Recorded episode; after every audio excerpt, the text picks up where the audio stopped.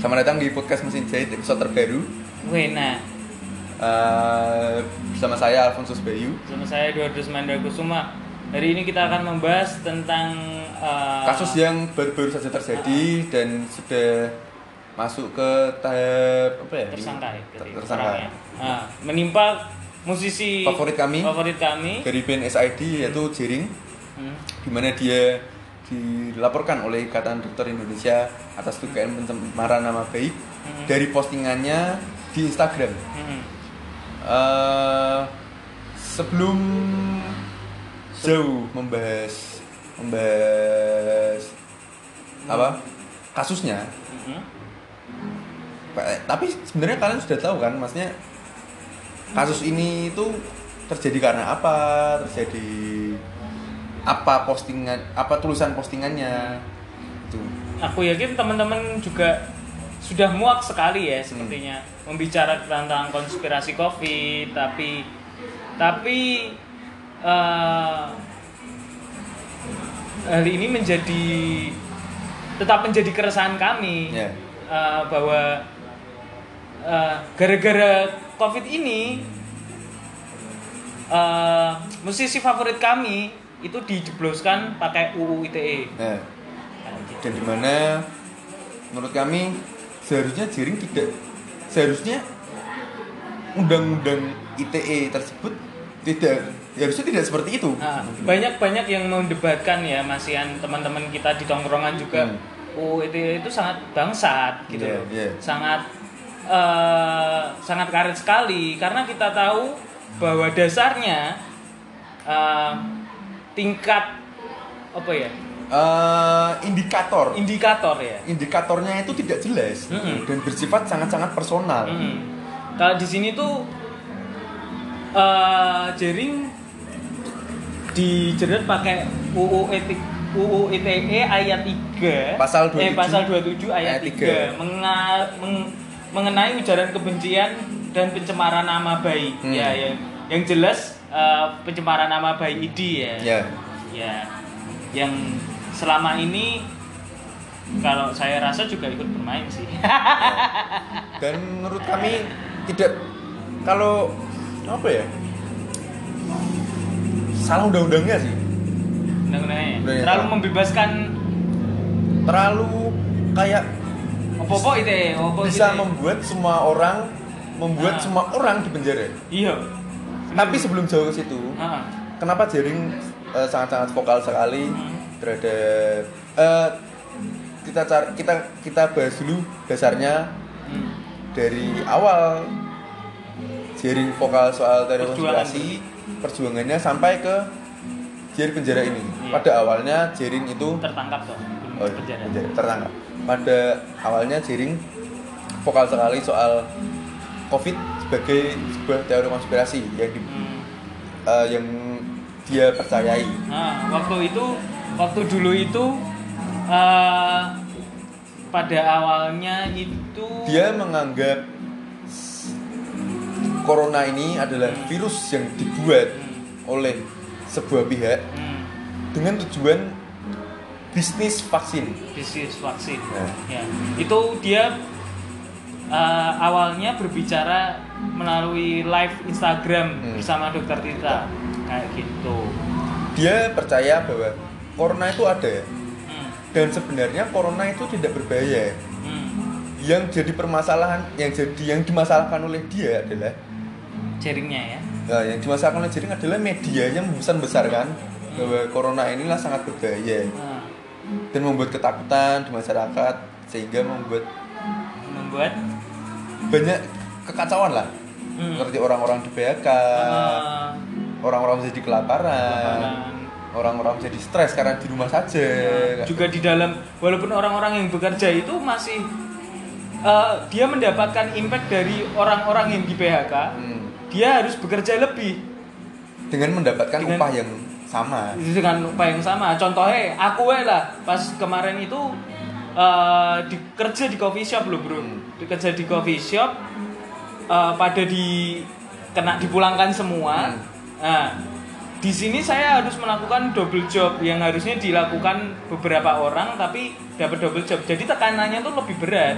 Hmm. Nah, si Jering tuh memperjuangkan bahwa sebenarnya nggak semenakutkan itu kok. Kalau misalnya kamu pakai protokol kesehatan yang dokter bilang. Nah, tapi sebenarnya protokol kesehatan yang disarankan dari pemerintah kita sendiri pun tidak jelas. Mm-mm.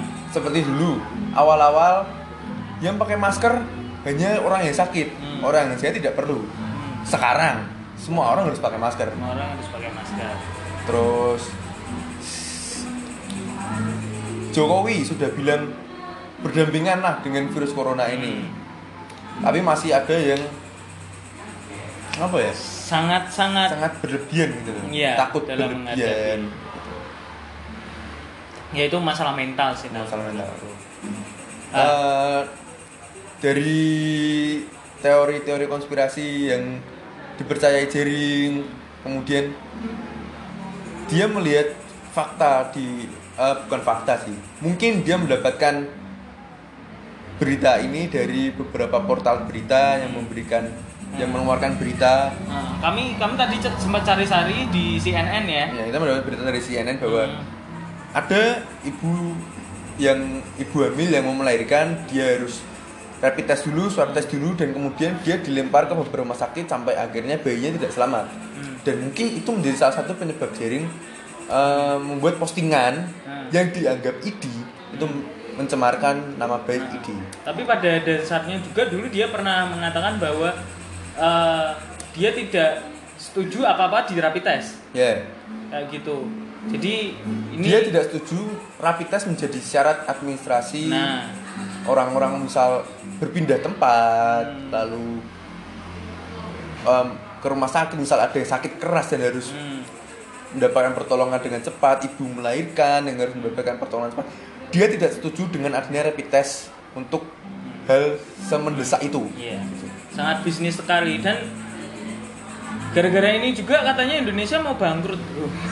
kenapa Karena uangnya digelondorkan semua untuk Oh, iya. Covid ini. oh iya Wah, anggaran terbesarnya Anggaran terbesarnya. dialihkan ke itu dunia kesehatan Kalau ini benar-benar eh, apa masalah COVID ini dibisniskan sama benar-benar dibisniskan oleh para bidang kesehatan di bidang kesehatan gue sangat fuck banget cuy. karena menurutku ya sebagai masyarakat biasa Hmm. profesi dokter tenaga medis itu menurutku sebuah pengabdian Hmm. di mana gue diberikan eh, kemampuan Hmm. untuk eh, bukan menyembuhkan orang sih untuk menangani orang yang sakit untuk meneliti Hmm. Meneliti perkembangan virus-virus yang ada apa pun penyakit dan men- eh, melakukan penelitian terhadap obat-obat yang bisa menyembuhkan sebuah penyakit gitu Hmm. seharusnya Seharusnya. dokter dan tenaga medis bukan bukan menganggap pekerjaannya sebagai ladang bisnis Hmm. melainkan untuk sebagai pengabdian kepada orang-orang Hmm. yang membutuhkan pertolongan di bidang kesehatan Mungkin kita kapan-kapan akan membawakan dokter. mungkin mungkin ada yang berani mungkin mungkin Nah, mungkin. nah kembali ke jaring Hmm. postingan yang dipermasalahkan oleh ID dan membuat jaring menjadi tersangka pencemaran nama baik Hmm. kata-katanya apa itu Ed? Baca. Eh, laporan ini tuh eh, di Instagramnya dia Nah. mengatakan bahwa kalimatnya itu begini gara-gara bangga jadi kacung WHO ID dan rumah sakit dengan seenaknya mewajibkan semua orang yang akan melahirkan tes COVID-19 Eh, pada dasarnya menurut saya itu baik hmm. tapi kalau dalam keadaan genting ibu ini udah mau melahirkan harus dites dulu Hmm. ya dipikir aja itu sangat goblok kan Hmm. Dan dari sudut dari kalimatnya menurut kami ya yang bukan ahli bahasa Hmm. cuma masyarakat biasa kita Hmm. melihat kalimat tersebut adalah sebuah kritik di mana se- kritik di mana berita dengan eh, berita soal ibu-ibu melahirkan yang diwajibkan untuk rapid Tes. test sebelum melahirkan dan menunggu hasil tesnya baru setelah itu baru dilayani untuk melahirkan. Merupakan? Merupakan apa ya? Eh merupakan kalimat kritik biasa maksudnya? kalimat kritik biasa. Hmm. karena apa ya masa aku ora resah ngono gitu lho. dengan dan ku jaring koyo mempertanyakan memper- mempertanyakan apa edit aja. ya Eh, menur- gara-gara menurut, postingan itu ya, tadi menurut saya gara-gara postingan itu kata-katanya itu merupakan kritik biasa hmm. hmm. dan jika ID eh itu kan postingan eh, postingan jaring tersebut ter- postingan jaring itu kan ada karena adanya berita soal ibu Kita, yang- ha. yang melahirkan itulah itulah Hmm. pokoknya terus jika itu bukan faktanya Hmm. ID seharusnya memberikan pernyataan bahwa omongan jaring itu tidak benar Nah, dan itu pada hoax. faktanya dan seperti berita ini itu juga hoax. Ya. Nah, pada faktanya adalah begini begini begini. Ya. Dan kenapa jaring bisa terjerat kasus Hmm. Yang dipermasalahkan adalah pencemaran nama baiknya. Hmm. Berarti bukan isinya di mana ibu hamil itu dipaksa rapid test dan banyak yang meninggal. Hmm. Berarti menurut kami itu faktanya tidak Yes. dipermasalahkan berarti. Nah, tidak dipermasalahkan. Yang dipermasalahkan adalah Nah. kata-kata kacung WHO Nah. yang yang dianggap mencemarkan nama baik Hmm. dan memang di undang-undangnya Hmm.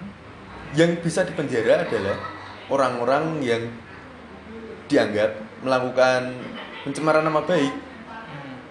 Tapi yang tersinggung karena yang tersinggung. eh, nama baiknya dicemarkan. Ya, Tapi kita sudah sering membahas lah mungkin di tongkrongan kalian lah Hmm.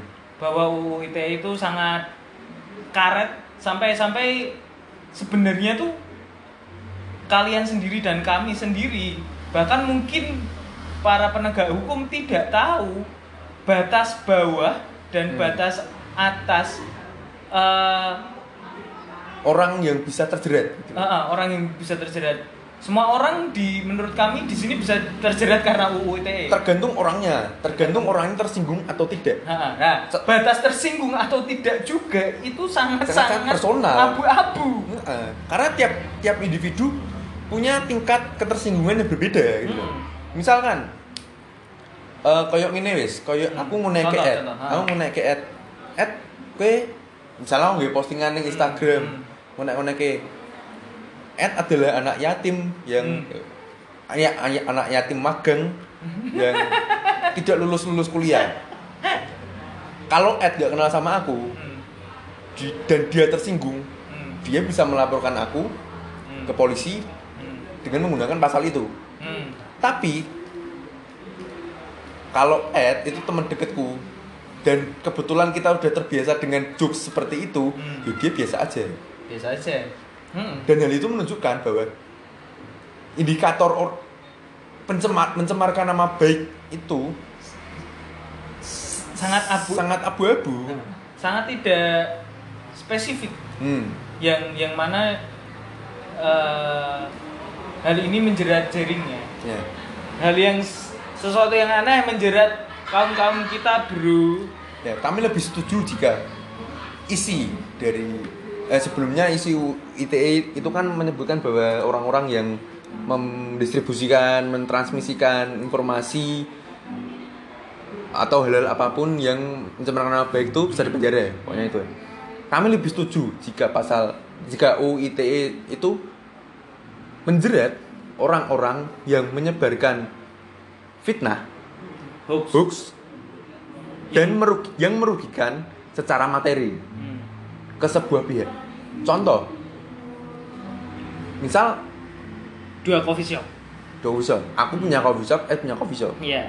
Kemudian aku sebagai kompetitor coffee shopnya Ed membuat berita eh, soal Wah, dapur, dap- dapurnya dapurnya kotor. ternyata kotor, banyak tikus, banyak sampah dan tidak layak, makanannya tidak layak. Hmm. Dan jika Eh, dan jika itu sebuah fitnah Hmm. layak dipen Layak dipenjarakan. Dan- Bayu, Bayu tak penjarakan. dan akibat postinganku Hmm. dia ad ini merugi Hmm. secara materi Hmm. tidak ada yang datang lagi ke coffee shopnya Karena hoax. dan sepi coffee shopnya Ed. kecuali eh eh, beda cerita kalau seperti ini Bener-bener. misal dapurnya Ed ternyata sangat sangat bersih Hmm. makanya ini tidak layak Hmm. dan aku sebagai kompetitornya Ed hanya ingin menjatuhkan Ed Hmm. kebetulan caranya tidak Oh. sehat Hmm, hmm, hmm. dengan membuat berita-berita fitnah Hmm. soal Ed coffee shopnya Ed dapurnya kotor banyak sampah dan lain-lain itu fitnah Hmm.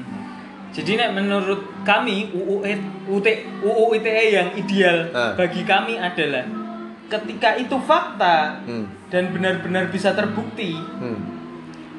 eh, lalu kita ungkap itu ke media itu tidak menjadi sebuah masalah itu tidak menjadi sebuah masalah UU ITE tidak akan berlaku Ah. di situ Ah. karena itu pure kritik ya dan berdasarkan fakta ada buktinya fakta. tapi jikalau itu itu adalah fitnah atau hoax Hmm. dan merugikan saya Ah.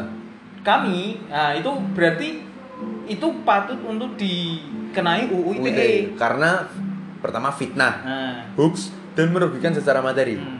kalau ya, dalam hal jaring ini Nah. nah, tidak ada pembelaan mengenai ibu melahirkan harus rapid test dan Nah. ibu, ibu anaknya meninggal Nah. dari pihak ID-nya tersendiri nah itu fakta atau tidak kita nggak tahu Ki- kita juga tidak tahu dan kami tuh bisa bebas menilai Hmm. apakah itu fakta atau tidak gitu loh kalau misalnya ya kita posisikan lagi kayak kita kita bercoffee shop tadi Hmm. Eh, misalnya ternyata itu eh, berita yang dibaca jaring itu hoax nah, ternyata hoax dan ID merugi akibat itu nah. berarti si pembuat berita dan jaring yang ikut nge-follow up Hmm. itu layak dikenakan Layak pasal undang-undang. ITE Ha-ha. Tapi kalau misalnya itu fakta, menurut kami UU ITE itu tidak tidak bisa uh, menjerat jaring untuk masuk penjara. Hmm. Nah, tapi yang dipermasalahkan orang bukan bukan soal ibu-ibu ibunya itu sing meh brojol, Bro. Tapi yang dipermasalahkan adalah kata kacung WHO. kata-kata kacung WHO dianggap mencemarkan nama baik Ini bisa dinilai berarti ada ketakutan sih nah. Yeah. menurutku dari ID juga untuk mempermasalahkan itu Yeah. karena bisa dibuktikan. Nah kacung kacung WHO ini itu tuh eh, ukurannya adalah ketersinggungan tadi yang Yeah. abu-abu. tidak mungkin ID tidak berdasarkan ketersinggungan pasti tersinggung dulu dan baru melaporkan jika di- didasari dengan kacung WHO Hmm. tapi lain hal jika ID memenjarakan jaring dengan eh, yang ibu melahirkan itu ID berkata oh itu fitnah itu Hmm. hoax Hmm. layak di penjara Ah, tapi dipermasalahkan iya. si kacung WHO ini Sangat pintar sekali. pintar sekali Hmm. nah menurutmu Ed Ah. jaring harus dibebaskan atau tidak Ya seperti yang dikata saya katakan tadi. Ketika ini kan proses kan terus berlanjut. Tapi yo susah juga ya. Hmm. Menurutku yang bisa diukur itu bukan kacung WHO-nya, hmm. tapi yang bisa diukur adalah berita di mana ibu ini tuh benar-benar melah- melahirkan dan mati apa enggak? Eh, apa bayinya mati atau enggak? Itu baru pantas untuk diukur. diukur Jadi karena selama- karena bisa Hmm. dicari pembuktiannya Ah, di ah. tiap rumah sakit Hmm. dilihat kejadiannya di lapangan Hmm. sedangkan yang kacung WHO tersebut kan berdasarkan ketersinggungan Hmm. tidak bisa diukur Hmm, tidak bisa diukur. Jadi menurutku se- patut dibebaskan menurutku. apakah dengan syarat Nah, tapi syaratnya menggunakan misal apakah dengan syarat UU ITE harus diubah baru boleh dibebaskan UU ITE yang sesuai ide idealisku. ya atau Kudu- kudu ngono, yang Nek. sekarang UU ITE sekarang ya apa tuh? Aku ki bahkan tidak kalau menurut ini kalau akan selamanya menjadi bisnis para para penegak hukum, Bro. Iya. Tapi kalau kita Para sebagai orang punya uang. kita sebagai masyarakat Hmm. yang tunduk terhadap hukum kita Hmm. menghormati hukum Hmm. kita tidak kita tidak untuk undang-undang ITE yang saat ini berlaku Hmm. kami tidak setuju jaring dibebaskan Hmm. karena undang-undangnya eh, seperti itu Hmm. Eh, setiap orang yang mendistribusikan blablabla, Hmm. yang mencemarkan nama baik apa ya bisa terjerat kasus itu Walaupun masih bisa didebatkan, Walaupun- tapi itu hukum yang berlaku tapi itu hukumnya aneh ya. kita setuju jaring dibebaskan Hmm. jika undang-undang ITE diubah sesuai menurut pandangan kami Gimana ya? lebih adil Tapi nah, nah aku sih secara pribadi bebas ke wae, Bro. nah secara pribadi Karena karena kui karena UU ITE kui rakmu tuh des apa ya seperti menghilangkan kebebasan Kebebasan. berpendapat Nah. entah di platform mana pun Hmm. entah di medsos atau di kehidupan nyata Hmm. kui menghilangkan kebebasan berpendapat Kita dituntut harus santun. ya Padahal setiap padahal tiap orang di dunia mempunyai karakter yang berbeda-beda cara penyampaiannya Hmm. berbeda-beda dan Kalau- Kalau tidak santun tapi fakta nek menurutku fine fine wae. Fine-fine Maksudku kui kritik yang tidak santun dan eh, berfakta benar-benar fakta yang Hmm. bisa dibuktikan, nah aku fine fine wae. tapi yang diper yang yang kenyataannya ya orang-orang orang-orang lebih melihat cara berbicaranya daripada isi bicaranya Goblok. seperti itu Wising membuat apa ya salah satu faktor di mana kebebasan berpendapat itu menjadi jadi hal yang sulit terwujud gitu loh. Hmm. jika pola pikirnya seperti itu Masih banyak, Bro. Masih banyak orang-orang yang berpikir bahwa santun adalah nomor satu, Bro. Ora. contoh anggap gue ini contoh-contoh salah satu Hmm. ketidaksantunan yang membuahkan hasil yang baik contoh Ahok des Oh iya. dia barbar anjing ngonek-ngonek ke wong-wong sing rak jelas dia ngotot ben rapat ben ono sing salah dia ngonek-ngonek ke ning ngarepe tapi di hasilnya apa hasilnya Jakarta rak banjir mana Hmm. Terus KB-KB jadi dilayani Hmm. ketika orang-orang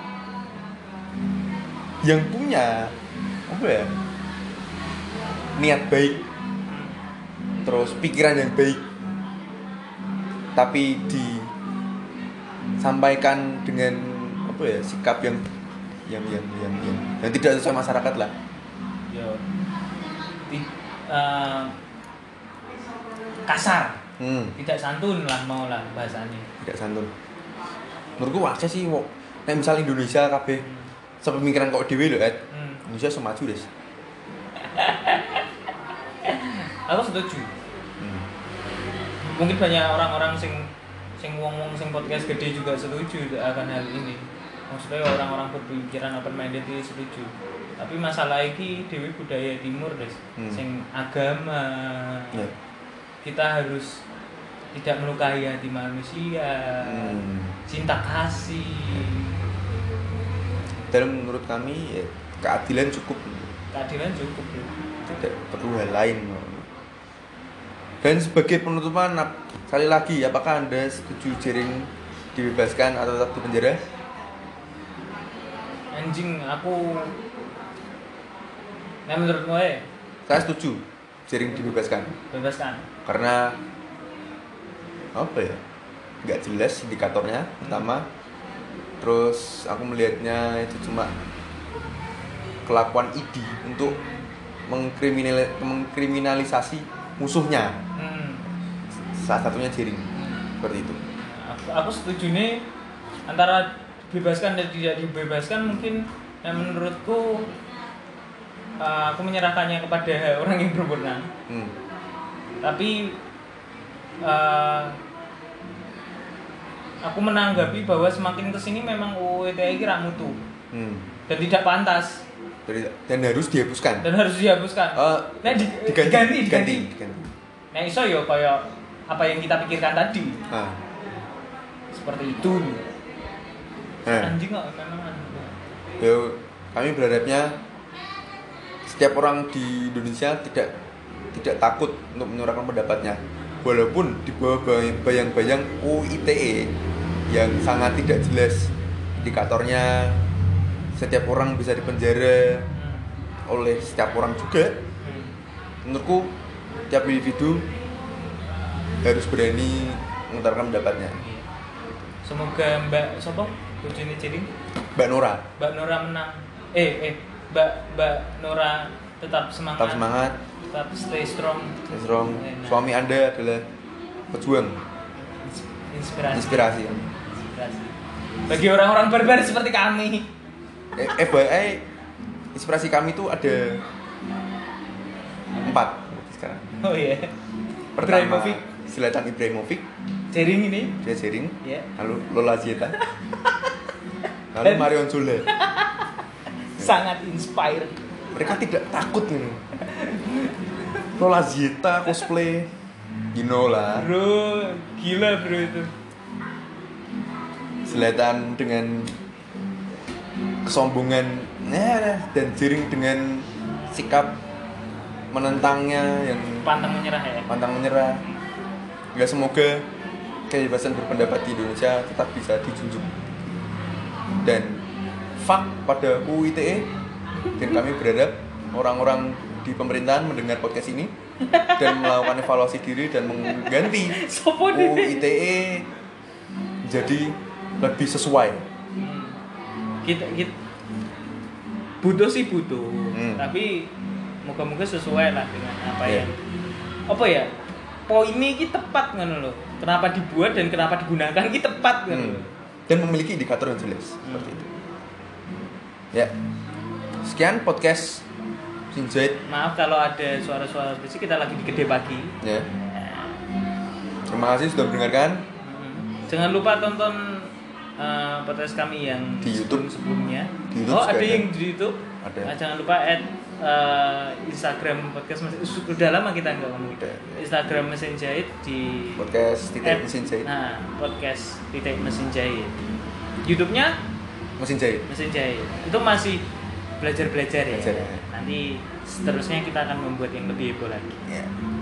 terima kasih sudah mendengarkan saya Alfonso Bayu Saya Eduardo Sumain dari rumah. pamit undur diri Eh, dan kedai pagi melaporkan. salam merdeka